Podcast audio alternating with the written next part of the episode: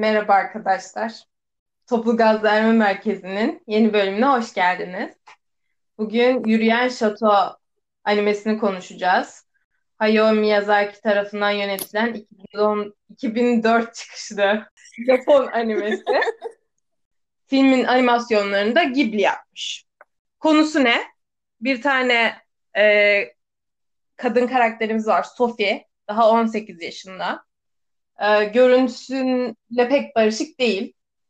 Ve biz onu bir şapkacı dükkanında çalışırkenki haliyle açılan bir sahnede tanıyoruz.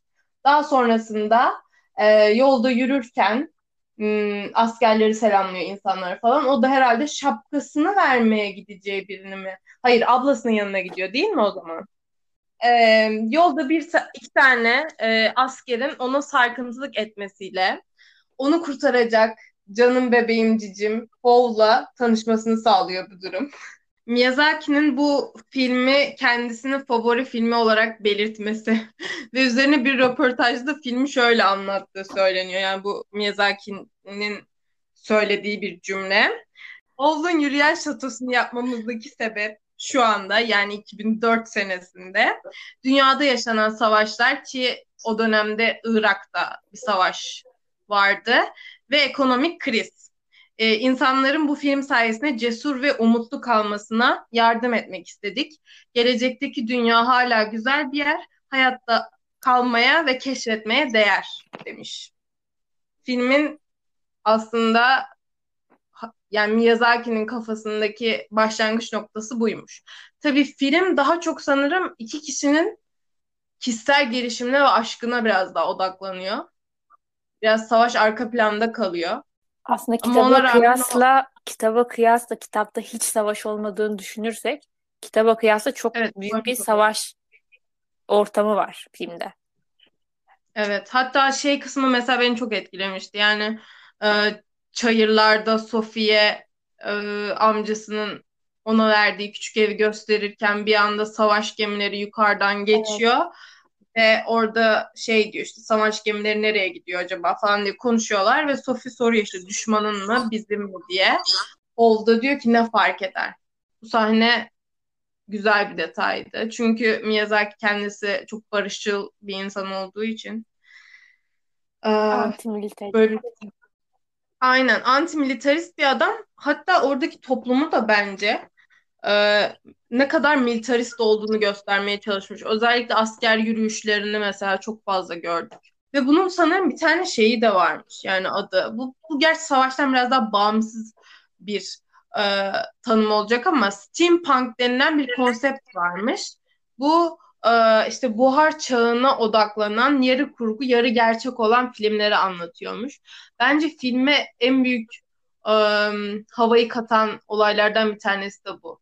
Çünkü Hall'un şatosu da dahil olmak üzere çok fazla mekanik var aslında filmin içinde. İşte trenler, ondan sonra başka detay Miyazaki bulamadım. çok seviyor aslında bunları çizmeyi. Hani başka bir animesinde de direkt e, bir tane uçak mühendisine odaklandığı bir tane filmi de var. Miyazaki aslında şeyleri çok seven biri. Ve hani filmde de çok fazla uçan yani uçak var, Hol uçuyor, şato bir noktada uçmaya başlıyor. Hani aslında ya benim olmayan detaylar bunlar. Evet benim şey çok ilgimi çekiyor. Hatta sırf onun filmlerini izlediğim için küçükken şu anda mesela şeyleri görünce çok etkileniyorum. Zeppelinleri mesela gördüğümde çok etkileniyorum. Ondan sonra çünkü farklı geliyor. Anladınız mı? Hani şu anda kullanmıyoruz ama o çok fazla kullanıyor filmlerinde. Yani senin dediğin şeyi düşündüm de Ece gerçekten galiba neredeyse bütün filmlerinde Zeppelin var. Direkt hani Miyazaki'nin çok büyük bir yer kapladığı. Kiki'de de vardı. Tüm böyle animelerinde Zeppelin koyabileceği her yere koymuş daha doğrusu. Hmm. Şeyde kitapta yoktur herhalde mesela böyle detaylar. Zeppelinler falan filan. Kitapta savaş çok uzakta ya. Hani bir savaş var ama hani çok uzakta bir yerde. Şey noktasına kadar da zaten film aynı gidiyor. İşte o saçının değiştiğini söyle gördüğümüz sahne mi? Evet o sümükle kaplandığı saçı Evet için. o sahne film e, şeyde kitapta nasıl açıklanıyordu? Ben mesela çok Ya hatırlayamıyorum. ama kitapta şöyle bir şey var. Şimdi kitapta Hall görünüşüne fazlaca önem veren e, gayet bencil, kız düşkünü, çapkın, sürekli kızların peşinde koşan hani ve onları kazandıktan sonra terk edip başka bir kızın peşinde koşan ve e, görünüşüne çok önem veren biri ve hatta ıssızlık cadısının Hov'la yaptığı büyü de bununla ilgili. Yani Hov süslen hani süslenmeden kalktığı zaman büyü çalışmaya başlayacak gibi bir şeyler de var ve hani aşırı aşırı düşkün olduğu için ve hani iksirlerindeki yani bir tane karışımın bozulmasından dolayı saçı değişince depresyona giriyor. Şimdi kitapta Hall öyle biri olduğu için hani kitapta çok anlaşılır ama filmdeki Hall yani gayet idealist biri olunca o ne, nasıl diyeyim o depresyona giren Hall'la o savaş karşı idealist Hall'u yani getirip aynı şeye vücuda koyamıyorsun kendi kafanda. Evet ya açıkçası Evet. bu konu rahatsız ediciydi biraz. Nasıl diyeyim? Mesela ben kitabı okumadığım için bunu görünce ya nasıl oldu? Bir anda nasıl bu böyle adam depresyona girdi diye bir düşündüm. Hani yüz- çok derinine inemediler bence bu konunun. Ya şey, şimdi ben bunu filmde izlediğim zaman ilk vakitlerde acaba Sophie ile ortak bir nokta mı yaratmaya çalışmışlar? Çünkü işte güzel değilsek yaşamanın ne anlamı var diyor ve Sophie de hani hiçbir zaman güzel olduğunu düşünen bir karakter olmadığı için Ya aslında burada bir şey söylemek istiyorum ben. Ee, Sofia bu filmde biraz haksızlık yapılmış şey açısından. Çünkü e, kitapta Sophie çok güzel bir kız. Kızıl saçlı. Hatta böyle o ilk karşılaşma sahneleri e, daha farklı. E, kitapta aslında orada sarkıntılık yapan kişi Hall ve Sophie onu reddediyor. Hani Hall ona iç, çay içmeyi çay içmeyi mi, hastanede oturmayı mı ne bir şey teklif ediyor. Sophie onu reddedip kız kardeşinin yanına gidiyor. Hani Sophie daha çok şey kafasında biri kitapta. Ben ilk çocuk olduğum için hayal kurma hakkım yok ve babamdan kalan şeyleri üstlenmek zorundayım depresyonu yaşayan biri. Ama e, filmde daha çok şey ben zaten çirkin biriyim depresyonu yaşayan biri. Ama aslında kitapta Sophie hani yani şey hani en son sahnede bu hani şey oluyor ya e, Hall'un kalbini geri koyduklarında Hall çok güzel birisin falan diyor. Kitapta da var böyle bir şey ve şey diyor o kızılın sen olduğunu biliyordum çok güzelsin tarzı bir şey söylüyor falan. Ama işte o güzel değilsek yaşamanın ne anlamı var diyor. Biz orada mesela çok yüzeysel algılıyoruz ya bu karakteri. Hiç hoşuma gitmiyor o durum. Çünkü Evet. şey ben bazı mesela yorumlamalar okudum buna dair. Bir tanesi şey diyordu. Sırf Sophie'yi e, şeye götürmek için hani o ım, Madame Sullivan'dı değil mi? Evet. Evet. Hani onu gönderebilmek için Hall böyle davranıyor diyerek Aa, bir tane evet yorum doğru yapıyor. çünkü hani şey depresyona girdiği için Sophie nasıl yardımcı olabilirim diye soruyor ve öyle gidiyor. Yani onu nasıl bağlayacaklarını bilemeyip bunu eklemiş olabilirler. Ya şöyle oldu ya ben birçok yeri anlayamadım dediğim gibi kitabı da okumadığım için. Ya mesela onlar neden anlaşma yapmış? Yani neden kalbini verdi? Şöyle aslında anlaşma gibi değil. Yani normalde hani e, büyücüler güçlerini arttırmak için e, ateş cini mi? Ya, e, onlarla anlaşma yapıyorlar ve organlarının bir parçasını ona veriyorlar ve o onların bir parçası oluyor gibi bir şey var. Ama Hall'un durumu biraz daha farklı. Hall küçükken çünkü şeyde kitapta bununla alakalı bir sekans var. Hani e, orada Mark'la Sophie gidiyorlar ve onların düştüğünü görüyorlar ve Mark hani bir tanesinin e, yok olmasını engellemek için ne yapabilirim tarzı bir şey soruyor ve Hall bunu oraya gitmelerinden dolayı sinirleniyor. Meğersem o da o şekilde Calcifer'le hani yıldız yağmuru sırasında tanışmış. Yani onun yok olma ihtimali onu çok üzdüğü için nasıl seni hayatta tutabilirim de, demiş ve ondan sonra böyle bir şey olmuş. Hani kalbini bana verirsen ben ölmem demiş ama Calcifer de hani mutlu değil aslında hani mesela o tarz yaşamaktan dolayı çünkü hani orada hareket edemiyor. Kalbi çıkarsa ve söner, sönebilir, ölebilir. Yani o tamamen Hall'un çocuksu masumluğuyla hani yok olmasını istemediği için farkında olmadan yaptığı bir anlaşma aslında kitapta. Bir de şey yorum da yapılan olmuş mesela bu e, saç değiştirme sahnesi için çok geri dönmüş oldum ama önemli bir detay bence. Hani aslında o süreçte şeyin depresyonunu yaşıyor diyenler olmuş. İşte savaş var. O savaştan etkileniyor ve vücudu aslında değişmesi gittikçe zorlanıyor kuştan. Ve hep öyle kalmaktan korkuyor ya bir yandan. Hani bu değişimden çok korktuğu için o an sadece o saçının değişmesi bile onu çok etkiliyor diyenler olmuş. Çok derin Ki bence bir okuma ve hani güzel aslında biliyor musun? Evet, evet çok mantıklı. Hatta şöyle de denilmiş arkadaşlar. E, orada saçı mesela sonradan siyaha dönüş, dönüyor ve Howl'un gerçek saç rengi de siyah ya aslında bir kendin olmaya evriliş biçimi olarak da yorumlanmış. E, Howl'un oradaki o bitkin hali geri döndürülemezdi yani o kalıcı hasarları işte savaşın insanlar üzerine bıraktığı kalıcı hasarlar olarak da yorumlanmış. Ya yani aslında şöyle daha sonrasında hani Hall artık ayaklandıktan sonra saçını boyamama sebebi muhtemelen artık kendisine dönmesidir zaten. Hani o bilinçli olarak yapılmıştır. Diğerleri insanların bakış açısı da olabilir. Ama saçını bir daha boyamaması kendi özüne dönüşüdür bence de. Evet yani filmde iki karakter de zaten bir kendin olmaya bunu belki olgunlaşma olarak da algılayabiliriz. Öyle bir yolda ilerliyorlar. Sophie Hall'a aşık olduğunu hissettiğinde ve onunla çok mutlu hissettiğinde arkadaşlar genç haline geri dönüyordu arada. Evet, Fark çok ettiniz tatlı. mi? Tam bunu diyecektim. Neden? Ya bazı kısımlarda gençleşiyor ama mesela saçı değişmiyor. Yani beyaz kalıyor. Ama bazen Hall ona bakınca kahverengi saçlı halinde görüyor mesela. Böyle onları anlayamadım. Tamamen Miyazaki'nin bakış açısı o. Yaşlandığında tatlıydı. İşte o büyü şey aslında yani büyüyü kadın yapıyor ve diyor diyor ki hani bunu geri döndüremezsin sen diyor.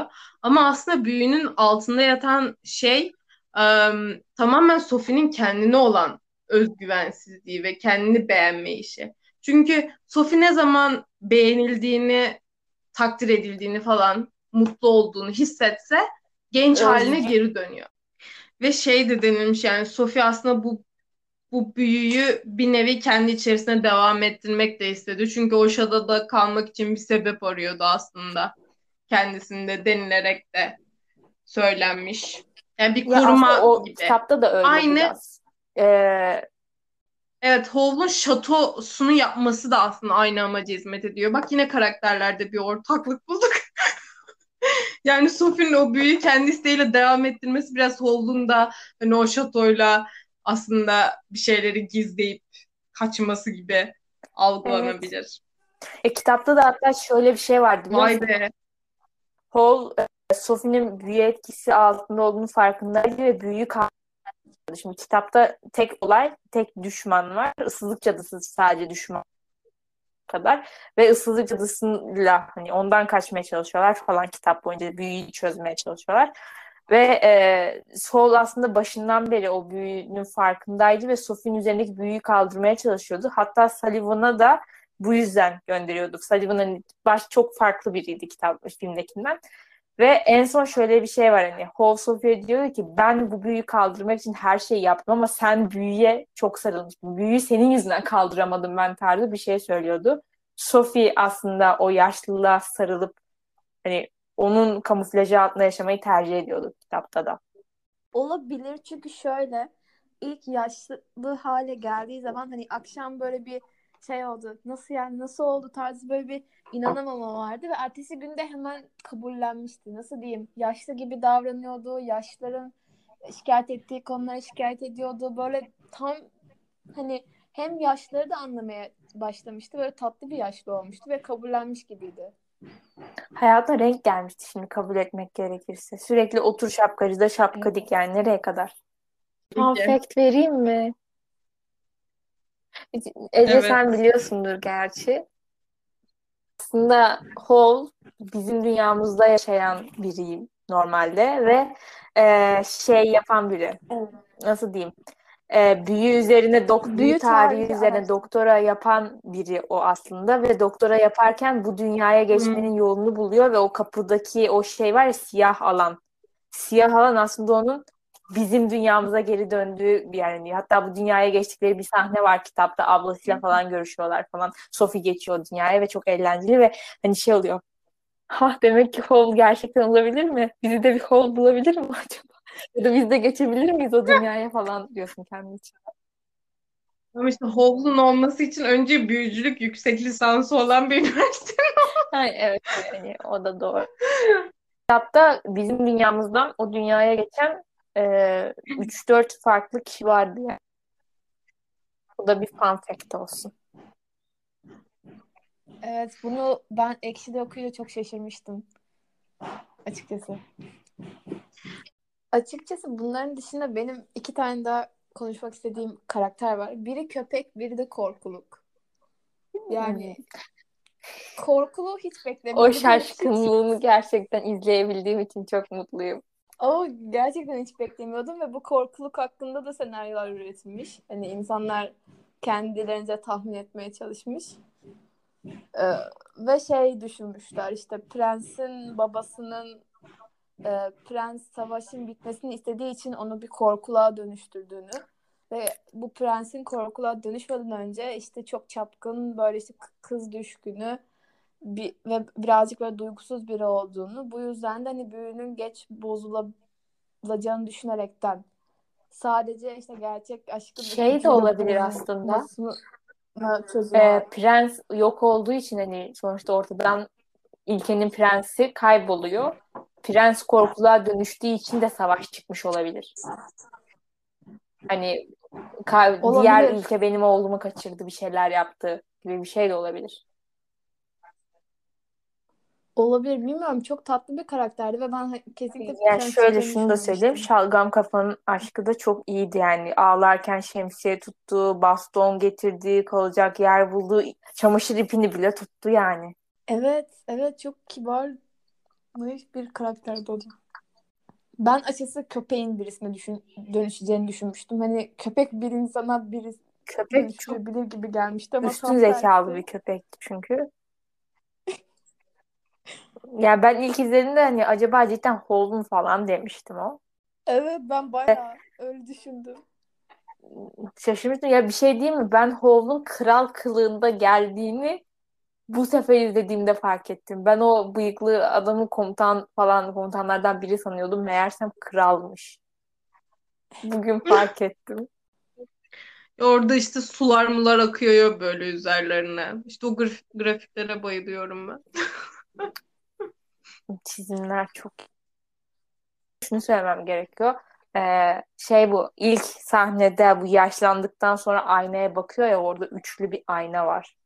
Miyazaki onun hepsini elle çizmiş. Hı-hı. Hani herhangi bir şey yok. Ve ben bunu görünce çok böyle şey olmuştum. Ne kadar ne kadar Vay wow. Be. Çünkü hani orada üçlü bir ayna var ve oradaki yansımaları da çiziyor ve piu fit yani. Kötü cadının durumu da çok ilginçti. Hani o merdivenden çıkma sahnesi var ya hani kötü cadı, kötü karakter gibi. Ama Sophie ona yardım ediyor, destek oluyor işte hadi devam et falan diyor. Ya Miyazaki'nin şey şöyle bir şey var. Bütün neredeyse çoğu filminde görülen bir şey. Kötü ilk başta filmin başında kötü olduğunu gördüğümüz karakterlerin sonra ikinci yarıda hep iyi olduğuna falan şahit oluyoruz. Miyazaki bunu çok yapan biri ve ıssızlık cadısında yapmış bunu da. Aslında hani dediğim gibi kitapta hani başından sonuna kadar hep düşman olan kişi ıssızlık cadısı. Ama burada aslında tatlı da oluyor anladın mı? Yani orada kötü kadından birden böyle o bilgiç nineye dönüyor ve hani o şey pro içerken şey diyor ya hani e, böyle hiç orada bombalar atılıyor umurunda değil sadece onlara akıl verip bir şeyler anlatıyor ya çok tatlıydı o sahne. Bilmiyorum ben o karaktere hiç ısınamadım. Niye biliyor musunuz? En sonunda kalbini vermek falan istemiyor ya böyle. Hani orada yatıyor home. Hala vermiyor ısrarla falan. Böyle Sophie'nin o an elinden çekip almasını falan bekliyorsun. Kalbi ama o da gidiyor. İşte iyi yaklaşıyor ona falan böyle. O da işte Miyazaki'nin şey mantığından kaynaklanıyormuş. Gerçi öyledir zaten de hani kötü olan şeylere de iyiyle yaklaşırsak ancak bir şeyler konusunda empati kurup onları iyi yapabiliriz. Bu bakış açısıyla aslında Sophie orada öpüyor falan Yerine böyle cadıyı. de hani o yumruğu masaya vurmak İşte ben olsam dayanamam alırım yani. Kardeşim bırak derim. Çünkü orada yani bütün o yıkılışın sebebi de o. Alıyor kalbi ve o an işte şato biliyorsunuz yıkılıyor falan filan. Ya ben o nefretimi saklayamazdım. Demek ben yeterince olgunlaşmamışım. Şey bu Yüzüklerin Efendisi'ndeki kıymetli mis var ya yüzük konusu ona, ona benziyor. Şimdi Hall çok şey, şey olması da Hall gayet tecrübeli, gayet başarılı bir büyücü aslında yani. Hall'u yeterince övmediğimizi hissedince ben. Ya arkadaşlar biz podcast öncesi zaten dedik ki biz bir 5-6 dakika bunu övmemiz lazım. Hani bu karakterin güzelliğini. Ya şöyle bir de bunun İngilizce dublajını bu karakteri Christian Bale seslendiriyormuş. Bu Batman'i oynayan Hı. adam. Hani zaten seslendiren adam. Evet bir şey diyeyim mi? bir adam. Gerçekten. Bir de seslendiren de İngilizce dublajını da arada açıp izleyesi geliyor insana sırf Christian Bale'le duymak için. Ama yani Hall ayrı bir karizma. Christian Bale o tek başına başlı başına karizma. Ya bir de hani herkese küpe ve kolye yakışmaz. Bu adama öyle bir yakışmış ki bu bu dönem mesela bu K-pop idolleri de bu tarz giyiniyor, e, süsleniyor diyeyim. İşte bu takılar, makyajlar yapıyor. Ve bana onları da hatırlattı açıkçası. Ve düşünsenize bunu 2004'te çizmiş adam. Yani bilmiyorum çok Belki de her o böyle çizdiği için. Tüm modalar oraya doğru gitmiştir. Belki de Hall bir moda ikonudur. Ee, Toplu Gaz Verme Merkezi bu haftaki bölümünün sonuna geldik arkadaşlar. Diğer bölümde görüşmek dileğiyle. Ben Meru.